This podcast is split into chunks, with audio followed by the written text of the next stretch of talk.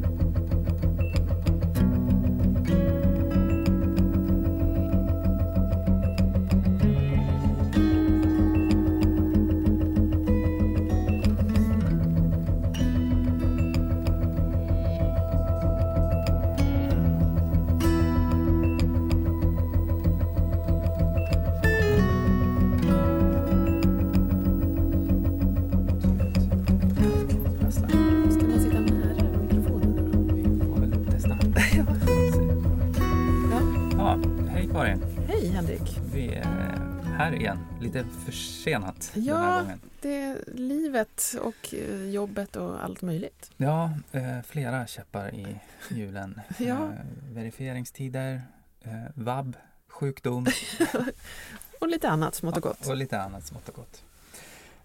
I, idag blir det också ett lite speciellt avsnitt. Ja, Vi har vår första gäst i PID-podden. ja, det ska bli jättekul. Ja, spännande och lite nervöst för att se Ja, hur vi lyckas hantera det. ja. Eh, men ska vi eh, följa upp senaste avsnitt? Nu kommer man ju knappt ihåg det längre. Nej, men det tycker jag vi börjar med. Jag försökte ju hävda att Horizon 2020 var ett EU-initiativ till exempel. Horizon 2020 Eh, är ett- metadata.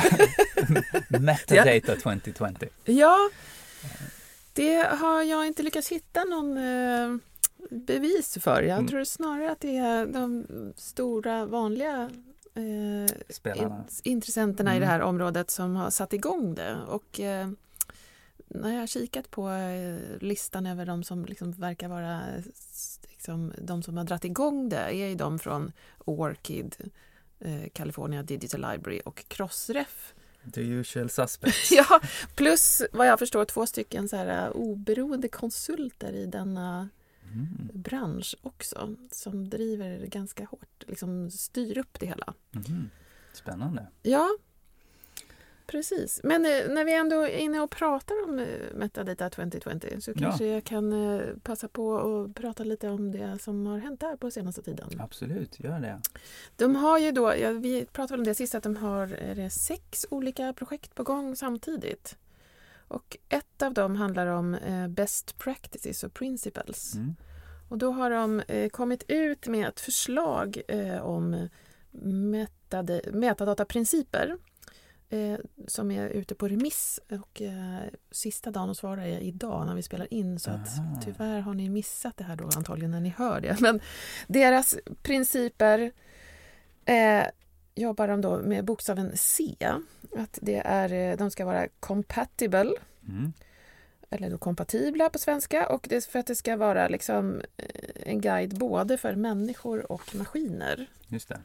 Det har vi ju pratat om tidigare. Ja, men precis. Så att eh, metadata, jag läser på engelska, jag orkar Mm. inte översätta. Men så här, metadata must be as open, interoperable, parsable, machine actionable, human readable as possible. Precis som piddar. Ja, precis. Och sen så kommer nästa C, det är då complete. Eller- Man får jobba med K på svenska. ja, det verkar så. Det blir lite svårt med de som kommer sen, men Ah, okej. än så länge går det bra med Ja. K. Och då ska det vara att eh, det ska, eh, jag läser på engelska igen då, reflect the content, components and relationships as published.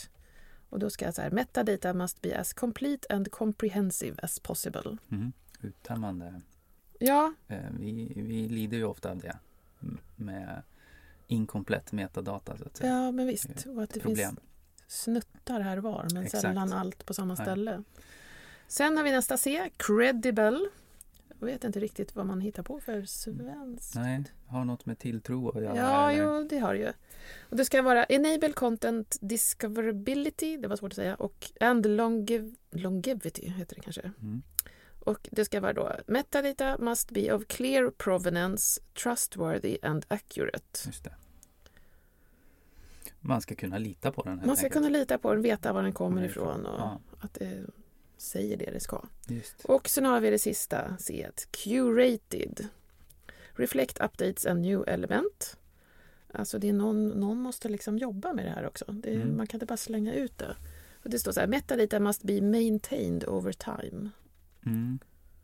Det här är Eh, ju, spänn- det är ju spännande. Jag fattar ju vad de eh, går efter så att säga. Men det kan ju också ställas mot liksom automatindexering och sådana saker.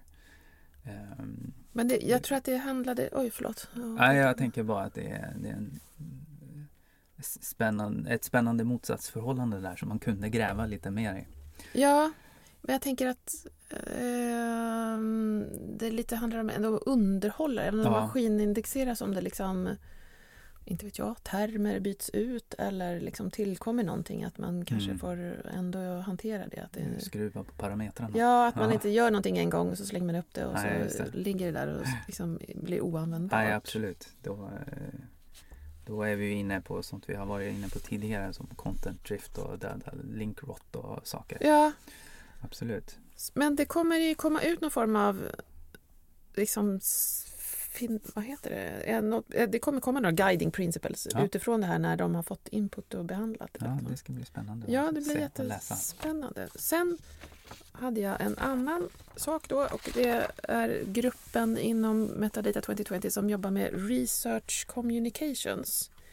De har ehm, just eh, gått ut med en enkät där de Mm. vill att få eh, feedback på, eh, jag läser på engelska också för jag orkar inte översätta, metadata knowledge, attitudes and usage in scholarly communications. Mm. Och de söker svar från liksom alla, alltså liksom alla som arbetar med metadata, om man skapar dem eller tar hand om Mm. det eller då curate, knådar det Ja, eller om man konsumerar det. Så de vill gärna höra från bibliotekarier, eh, förlag, repositorier och också forskare. mm. Och den är Eh. öppen att svara på fortfarande. Den är öppen att svara på till 21 juni. Jag tror faktiskt att den Bra. publicerades igår. Så att eh, gå in och svara hörni. Härligt. Här ligger vi lite före the bell curve. ja, just det. Vi var lite efter med ja, principerna men eh, på tåget med meta, eller den, eh, vad heter den, enkäten. mm, det är bra. Ja. Eh, Vad har du från förra? Eh, Avsnittet. Ja, ingenting egentligen tror jag. Nej. Som jag tänker kommentera. Eh, jag deltog i där Freja Midway seminar. Freja har vi pratat mycket om i alla avsnitt. Kanske ändå ska dra snabbt om det är någon som råkar halka in första gången på Absolut. avsnitt tre. Freja är ju då ett EU-initiativ den här gången. Eh, som som eh, hanterar piddar helt enkelt, bygger infrastruktur och eh, gör best practices och så vidare. Eh, och man kan väl säga att hittills då, när de är halvvägs, midway, Midway verkar ja. Eh, så har de egentligen tre huvudsakliga leverabler. Vara PID-grafen har vi ju pratat om i nästan alla avsnitt tror jag. Eh, PID-forum är ju ett, en annan leverabel. Mm. Och eh, den tredje är vad de då kallar för Requirements for New PIDs. Vad man då tänker sig att Freja ska göra eh, har de lite käckt formulerat som förbättra det vi har. Mhm. Alltså hur använder vi de piddar som redan finns och är använda. Eh, bygga det vi saknar och det är ju den här requirements for new pids då. Mm. Eh, integrera det och eh, sustain it. Lyckades jag inte översätta på ett käckt sätt. Nej, det är någonting med hållbarhet. Det är något med hållbarhet, precis. Eh, mm, de flesta, eller kanske alla öppna PID-system eh, siktar ju mot vad man kallar för self-governance. Mm. Att det är communityt och de som använder PIDarna som också ska administrera och underhålla det. Så man kan ju säga att Frejas endgame är ju att göra sig själva obsoleta så att säga. Det tror jag de egentligen delar med den här Metadata Mm, 2020. De vill absolut. ju liksom sätta upp någonting som sen ska Exakt. Och nu Funkar. anser man då att man är halvvägs där. Och det vi inte har pratat om så mycket det är ju de här requirements for new PIDs. Eh, vilket jag tyckte var ganska spännande ändå. De har gått, in, gått ut och samlat in user stories över vilka PIDar, alltså för att kravställa. Vad är eh, communityt behöver för PIDar som inte finns? Och eh, när man sen har viktat och prioriterat de här user storiesarna eh, så har man försökt matcha varje krav mot en deltagande organisation. Mm.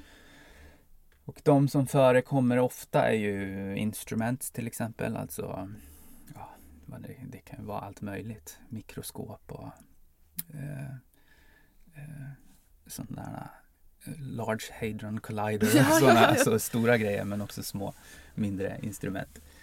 Eh, facilities, grants, eh, organizations har vi pratat om och det utfallet där blev ju ROAR. Mm. Eh, software, eh, DMP, eh, Data Management Plans det. vill man ha PIDDar för. Ja, och lite andra saker. Konferenser är en ganska stor grej också och då har man matchat dem i Pangea eh, som jobbar mycket med geologiska undersökningar och eh, sånt. De kommer att ta hand om instruments. Eh, eh, kan vi ta hugga något annat exempel här kanske? Datasite kommer att hantera software. Mm. Eh, och de här DMP-erna då. Eh, konferenser kommer att hanteras av CERN, en stor eh, organisation där som har många konferenser. Mm. Eh, och som jag har förstått det så kommer de här då att ta fram specifikationer för nya PID-system för alla de här eh, eh, olika sakerna då. Så det väntar vi med spänning på. Ja. Är det något du tycker att vi skulle vara intresserade av här? Organisationer har vi varit inne på. Ja, Eh, grants tycker jag låter spännande också. Ja, att kunna var följa Follow the Money. just det. Det var min första tanke Mm. också. Konferenser är ju något som ofta är förvirrande. Ja, Vid, vilken, vid vilken konferens presenterades det här resultatet till exempel. Och konferenser har likartade namn och det är svårt att skilja dem från år till år och så vidare. ja.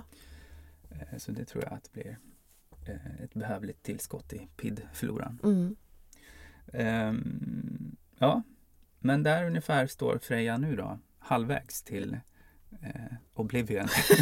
ja, just det. Ja. Ehm, så det är väl det som eh, har hänt sen senast. Här på, på vår egen organisation har vi börjat titta lite på eh, ett filmarkiv vi har, hur vi skulle kunna kanske tilldela DOIs till varje eh, videofil för att göra dem mer synliga och citerbara och sådär. ja. Vi har inte kommit så långt men Vi börjar lite. Mm. Ta en tråd någonstans. Absolut. Ja, men idag då har vi en gäst med oss. Ja, och jag tror att han kanske får presentera sig själv helt enkelt. det tycker jag låter rimligt.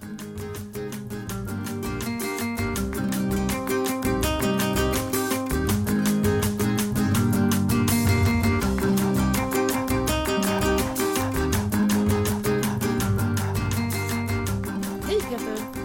Hej. Vad kul att du vill vara med. Ja, Ja. tack. Eh, har du lust att presentera dig lite? Din bakgrund och vem du är? Ja, det kan jag göra. Eh, Peter Sjögård heter jag då. Eh, jag är bibliometrisk analytiker här på KI. Och sen första juni, eh, lördags, så är jag också doktorand på Lime på halvtid. Grattis! Tackar. Jag har jag har jobbat med bibliometrisk analys eh, i sju år, tror jag det är. Jag har varit på KTH innan som bibliometrisk analytiker där. Jag har varit en sväng i Uppsala också och hållit på med lite doktorandstudier så det är de jag kommer att fortsätta på, på Lime då. Mm. Och så har jag varit här ett par år eh, och jobbat med bibliometri. Då. Ja.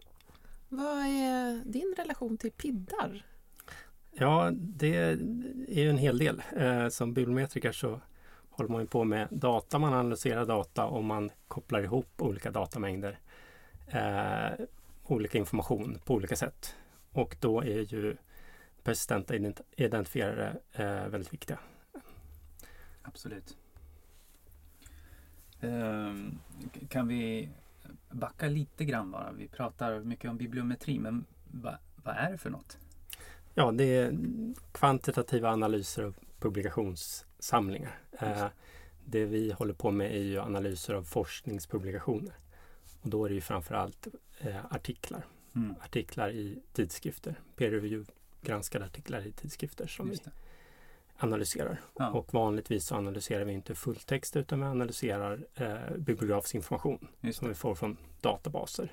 Såsom Web of Science, eh, Scopus, eh, PubMed är ju väldigt viktigt inom medicin. Mm. Och, och vad är det man brukar vilja titta på i, i de analyserna? Det är säkert en hel del, men kan du ge några exempel?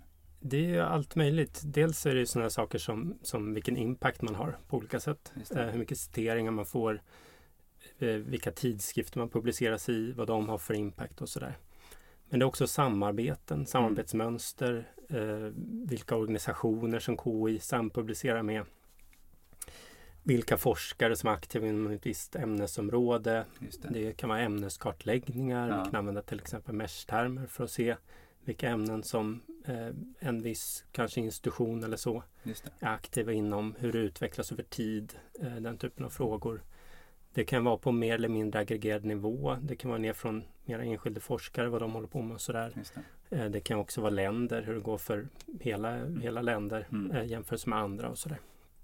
Eh, så det är en rad olika typer av frågeställningar som, som bibliometrin kan hjälpa till och, och svara på som ett slags underlag.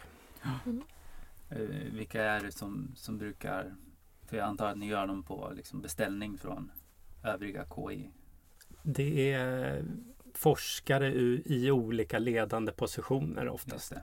Det kan vara en eh, chef på en institution, eh, det kan vara rektor, Mm. det kan vara personer inom förvaltningen som tittar på olika saker inom samarbeten och sånt där.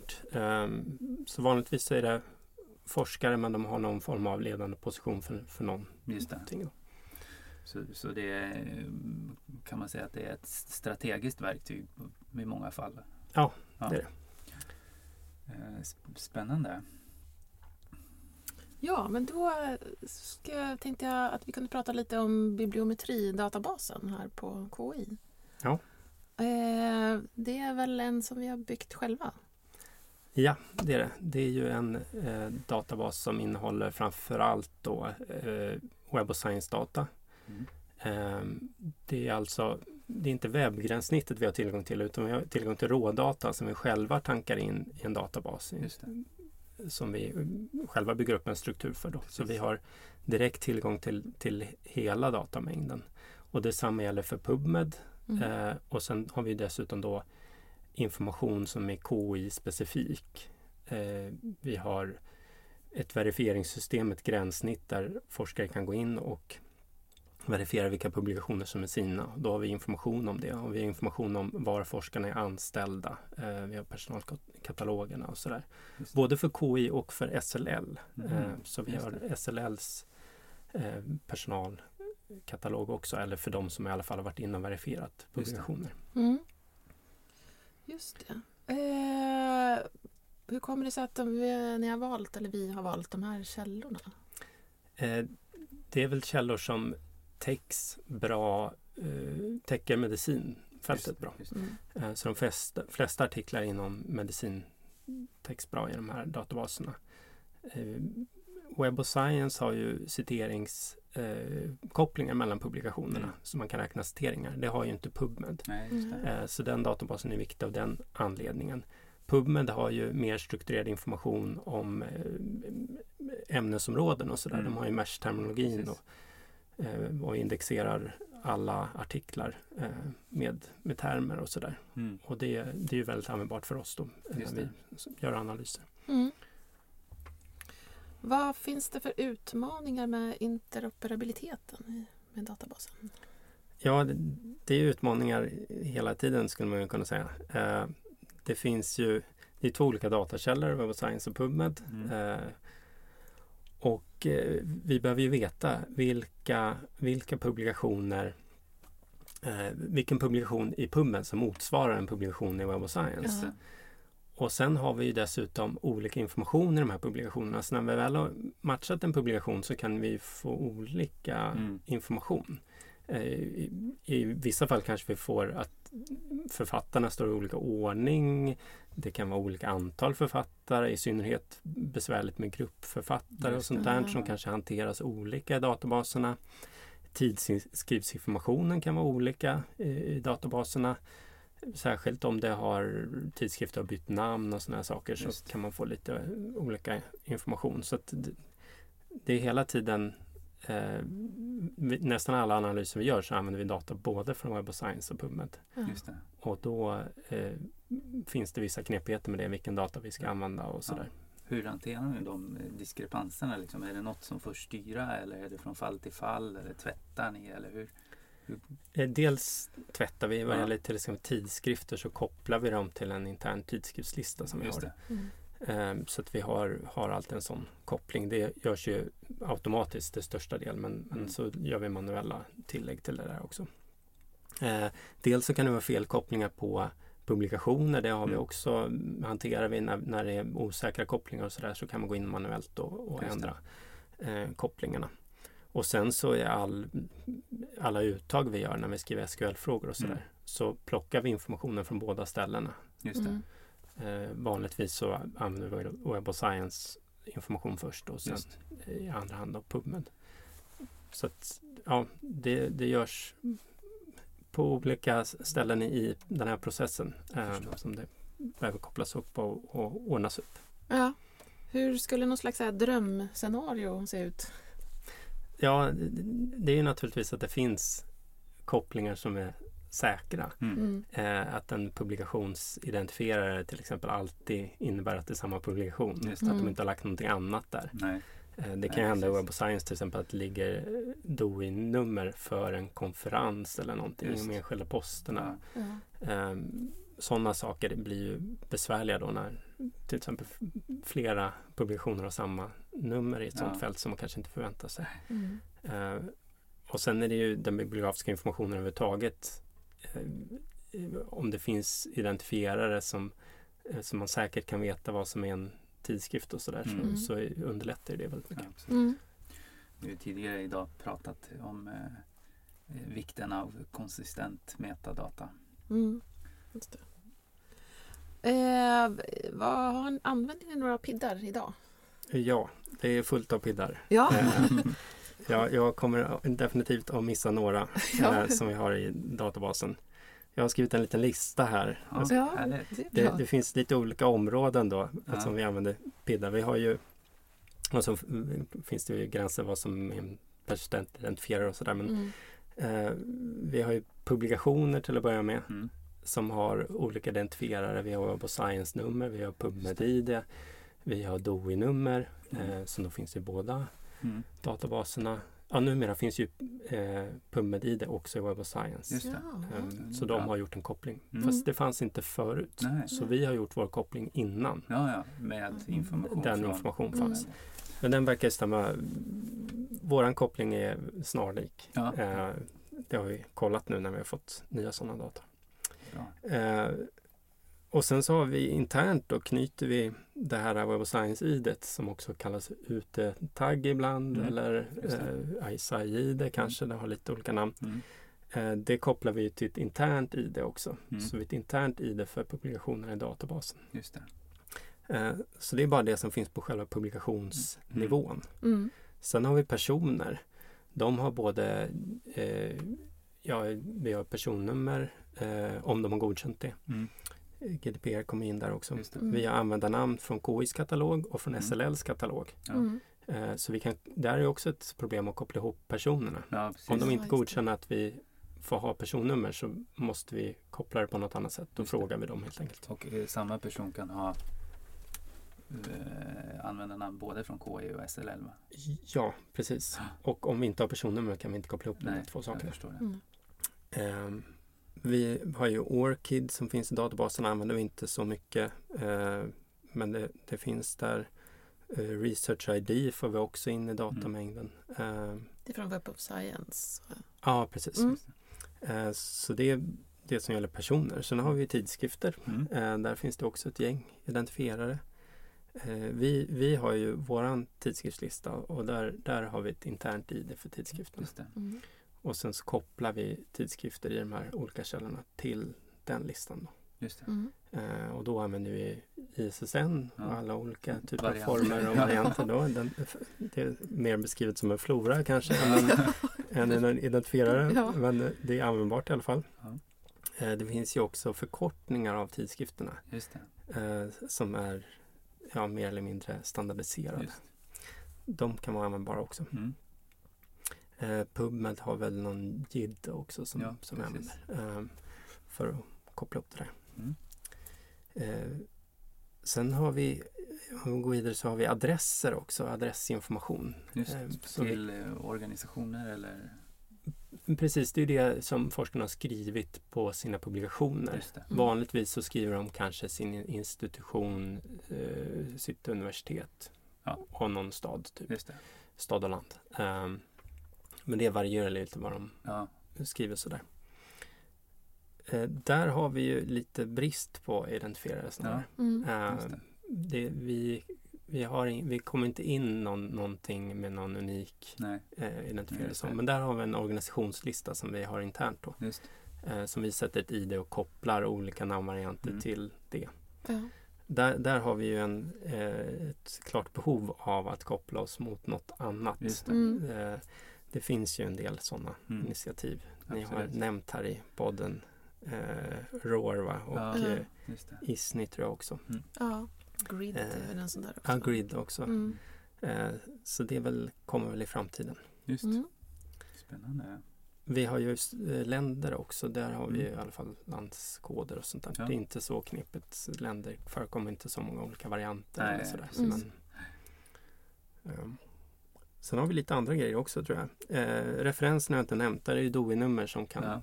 koppla. Eh, men, men vi får en koppling mellan referens och vilken publikation den citerar. Den kommer från Web Enligt Web of Science då. Ja.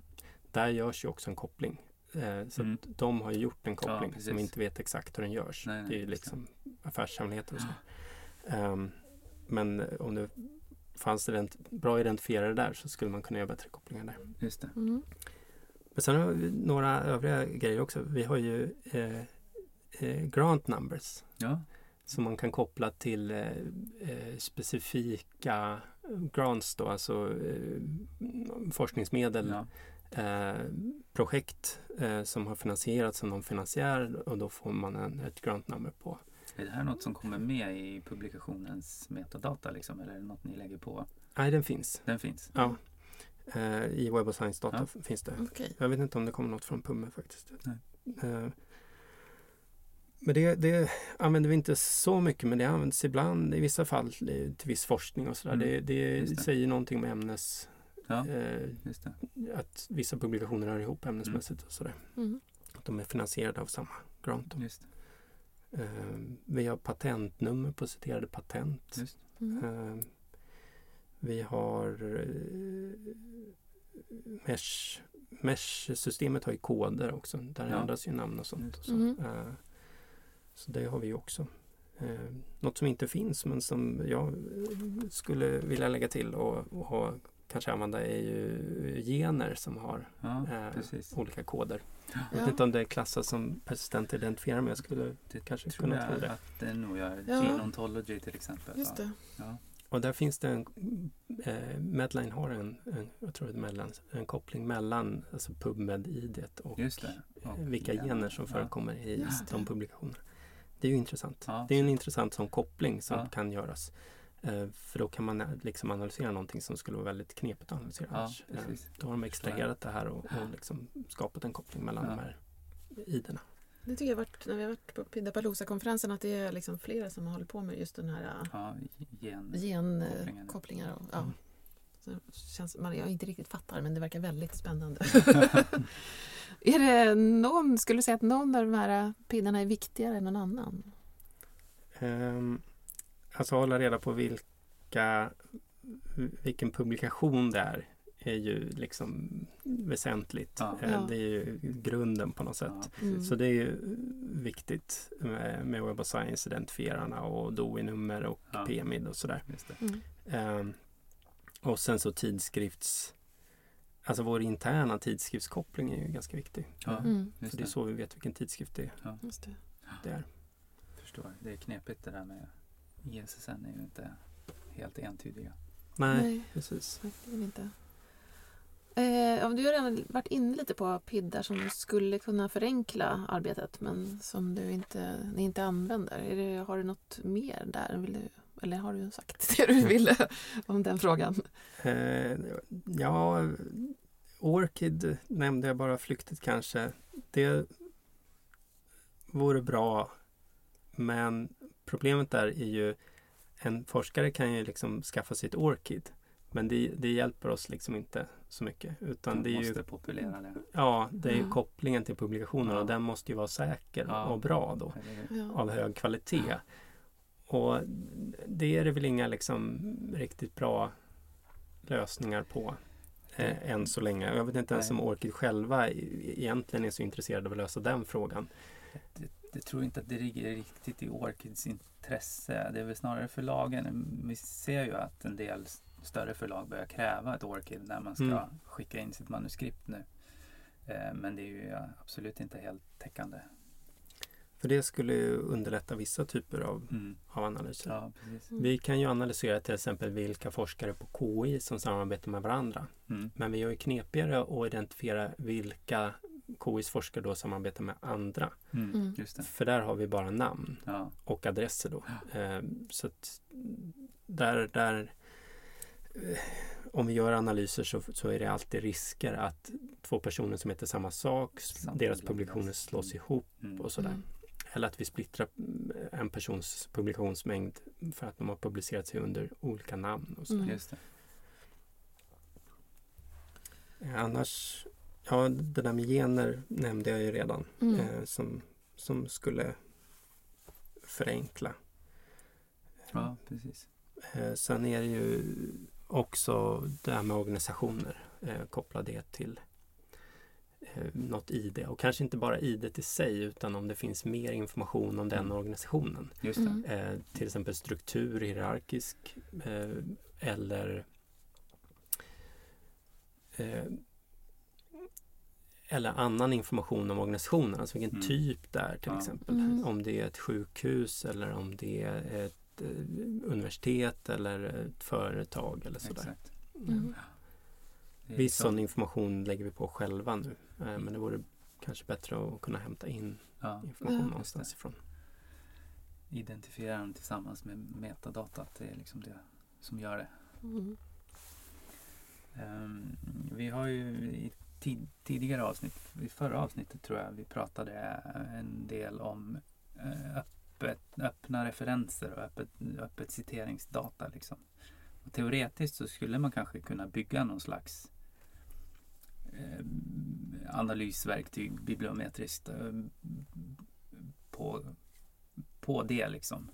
Men ser du, vilka begränsningar ser du liksom i, i det? Det som är begränsning just nu är ju att vi inte har någon mera heltäckande resurs. Ja, just det. Det finns ju Crossref och Mm. Crossref eh, innehåller både öppna och stängda Ja, data. Mm. Ehm, men det innehåller ju ganska stor mängd eh, öpp, öpp, Mm. öppna data nu. Precis. Så att eh, det börjar ju bli en källa där man kan använda. Men, men för tillfället så blir det ju svårt när det är så pass mycket som ändå inte täcks där. Ja, just det. Ehm, så att det är ju en, en begränsning. Mm. Och en begränsning som kommer komma när man väl har täckningen Mm. Det är ju att få strukturerad data av hög kvalitet och sådär. Det är Ja. så att eh, Clarivate då, som har Web of Science, de, de gör ju massa jobb med sina data för att få dem eh, städade och, och, Ja. och rena och användbara och sådär. Eh, det, nu har inte jag analyserat Crossref-data sådär noggrant eller så, men, men jag föreställer mig att det är lite stökigare data, att det Mm. krävs en del arbete innan man kan använda det till, till analyser. Ja, Mm. precis. Men det som är en stor fördel då, det är att man kan göra det mycket mer tillsammans. Ja, Mm. just det. Eh, Nu håller vi till exempel på och städar ordning på adresser, Mm. eh, hänför dem till olika organisationer och sånt där. Och det, är- det är ju sånt arbete som är mycket lättare att göra tillsammans om Ja, man just det. har öppna data. Ja.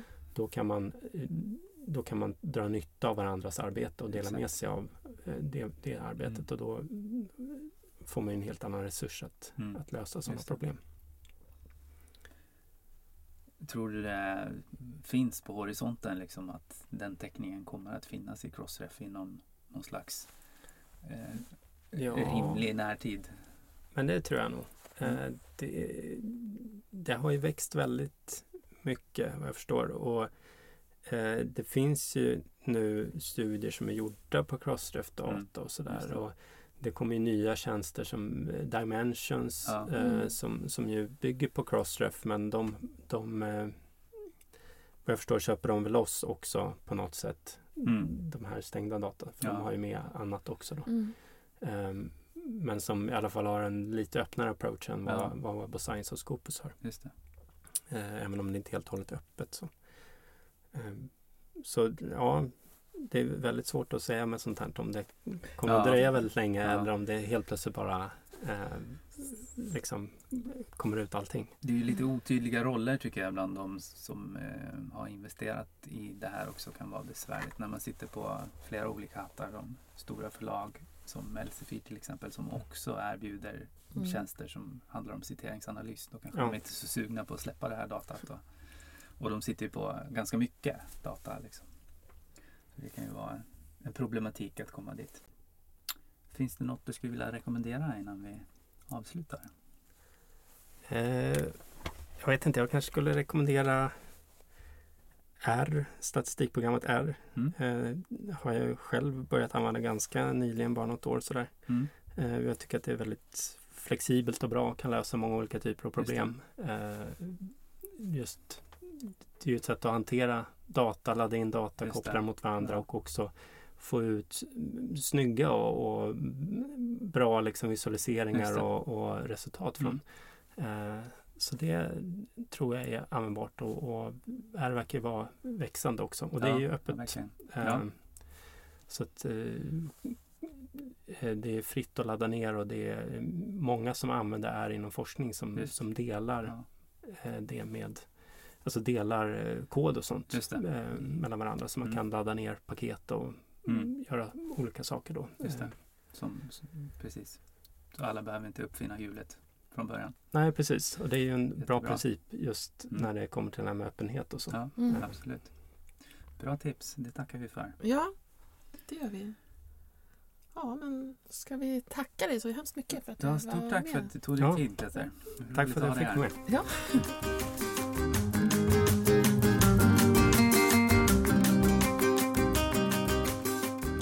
Jaha, nästa gång då? Vad tycker du vi ska göra då? ja, jag vet inte. Nu har vi ju provat att ha en gäst idag. Det var ju lite spännande. Ja, Ska vi det var prova? jättekul. Ja, Ehm, ska vi ha något nytt koncept? ja, ska vi eh, läsa något? Ha en journal club? Ja, det kan vi väl testa. Ja. Eh, jag har ett förslag. Ja, Um, Freja igen, vi tjatar väldigt mycket om Freja, men de skriver mycket intressant och de har gjort eh, en survey of eh, PID Services Landscape där de har försökt bedöma liksom hur mogna olika PIDar är och hur de används, vem som använder dem och så vidare. mm. Det kunde vara spännande att titta igenom och se om vi får några reflektioner. ja det kanske blir ett kort avsnitt då. Eventuellt. Eller långt. Ja. Ja. men det kan vi väl prova. Ja, absolut. Men det, är, Det- ju- det är väl rimligt att tro att det kanske blir efter sommaren? Eller? Ja, man vill ju ha semester. Ja, inte en månad den här gången utan sådär någon gång. Ja. Augusti. Augusti kanske, ja. Det är Mm. väl bra att sikta på. Ja. Mm. Vill du rekommendera något innan vi eh, stänger igen Pidpods-lådan? Ja, men jag råkade se någonting om en eh, ny sökmotor Mm. som eh, Impact Story ligger bakom. De ligger också bakom Unpaywall. Och, och har något med Altmetrics att göra eller? Nej, det kanske är Digital Science. Jag kommer, ja, det vet jag inte. Jag tror att det, det- finns flera aktörer inom Altmetrics. Ja. Men de ligger definitivt bakom paywall i alla fall. Just. Och de har då i samarbete med British Library och Internet Archive släppt en betaversion av en fritt tillgänglig sökmotor som heter Get the Research. Mm. Och eh, den bygger på datat som finns i en paywall. Mm. Och den använder AI för att indexera och kommentera och summera artiklar. Spännande. Eh, Och den vänder sig till allmänheten i första hand. Okej. Jag citerar vad det står där. Mm. Our goal is quite different to a lot of existing scholarly research applications because we're focused quite tightly on helping non-specialist user access and understand the scholarly literature to understand. Mm. Uh, so some of the query tools that academics might expect may be slower to appear in Get the Research or not appear at all. Mm. Eh, men den betaversionen som finns, den är ju lite intressant för vår eh, del av universitetsvärlden. För den handlar om, det är biologi och medicin som man har Ja. börjat med. Man har tagit data från PubMed. Okej. Ja, den är ju en, en stor databas här. Ja, precis. Men har det... ungefär hälften av trafiken. ja, precis. Eh, men och, i framtida versioner sen så ska flera ämnesområden ingå. Men man har börjat här då. Ja, ja, men det låter jättespännande och lirar ju bra med liksom hela open science-rörelsen om den riktar sig även till allmänhet, eller främst till allmänhet till och med. Ja, precis. Den är, ja, men den är ganska, jag provsökte lite grann men den, den sammanfattar artiklar ganska snyggt. Ändå, så att man liksom in, man behöver, innan man vet om man ska engagera sig och läsa den överhuvudtaget. Ja, så har, precis. Mm. Bra, det får vi testa mer på har du något då, Henrik? Eh, jag har några grejer. Uh, Orchid Auto Updates för den som eventuellt har missat det. Det är en ganska trevlig funktion. Man kan ge rätt till ja, olika organisationer. Det handlar väl oftast om liksom Datasite och Crossref kanske. Att eh, automatiskt uppdatera ens profil på Orchid. Så om man eh, till exempel submittar en artikel där Doit ingår och man eh, också lägger med sitt Orchid. Då kan Crossref direkt skriva den till din profil. Så Mm. du behöver liksom inte samla in eh, ditt output själv. Och samma sak då för Datasite. Då kan ju snarare kanske handla om dina dataset och sådär. Ja, mm, praktiskt. Ja, precis. Och de, eh, eh, då måste man aktivt ge rättigheter till de här organisationerna. Då. Eh, och man kan ta tillbaks de rättigheterna när man vill. Det låter ju också rimligt. Mm. Jag skulle också vilja plugga en annan podd faktiskt. Ja, Eh, två forskare, Dan Kitana, eller Quintana kanske han heter, eh, vid Oslo universitet och eh, James Heathers heter han, eh, är nu vid North, Northeastern University i Boston. Mm. De gör en podd som heter Everything Hurts, eh, vilket är en väldigt spännande och rolig podd faktiskt om forskarens vardag. ja. De är båda två aktiva forskare och pratar om allt som tillhör forskarens vardag. Jag skulle vilja tipsa om eh, episod 82 helt enkelt. ja. Eh, som, som en liten introduktion till den här podden. Den, den eh, handlar väldigt mycket om open science, om inlåsning i prestige och eh, hur piddar eventuellt skulle kunna hjälpa till att bryta den inlåsningen så att säga. ja. Eh, Det verkar ju vara- Svarar, precis, de, de utgår ofta från lyssnares frågor och frågan i det här avsnittet var eh, Går vi för fort fram med Open Science helt enkelt? Finns det baksidor? ja. Då resonerar de kring det i ungefär 45 minuter. Mm. Väldigt spännande. Eh, ja, men de två grejerna kan jag rekommendera. Bra. Då avslutar vi för idag kanske. Ja, och så s- hörs vi igen efter sommaren. Absolut. Ha en skön sommar alla och hej då! Hej då!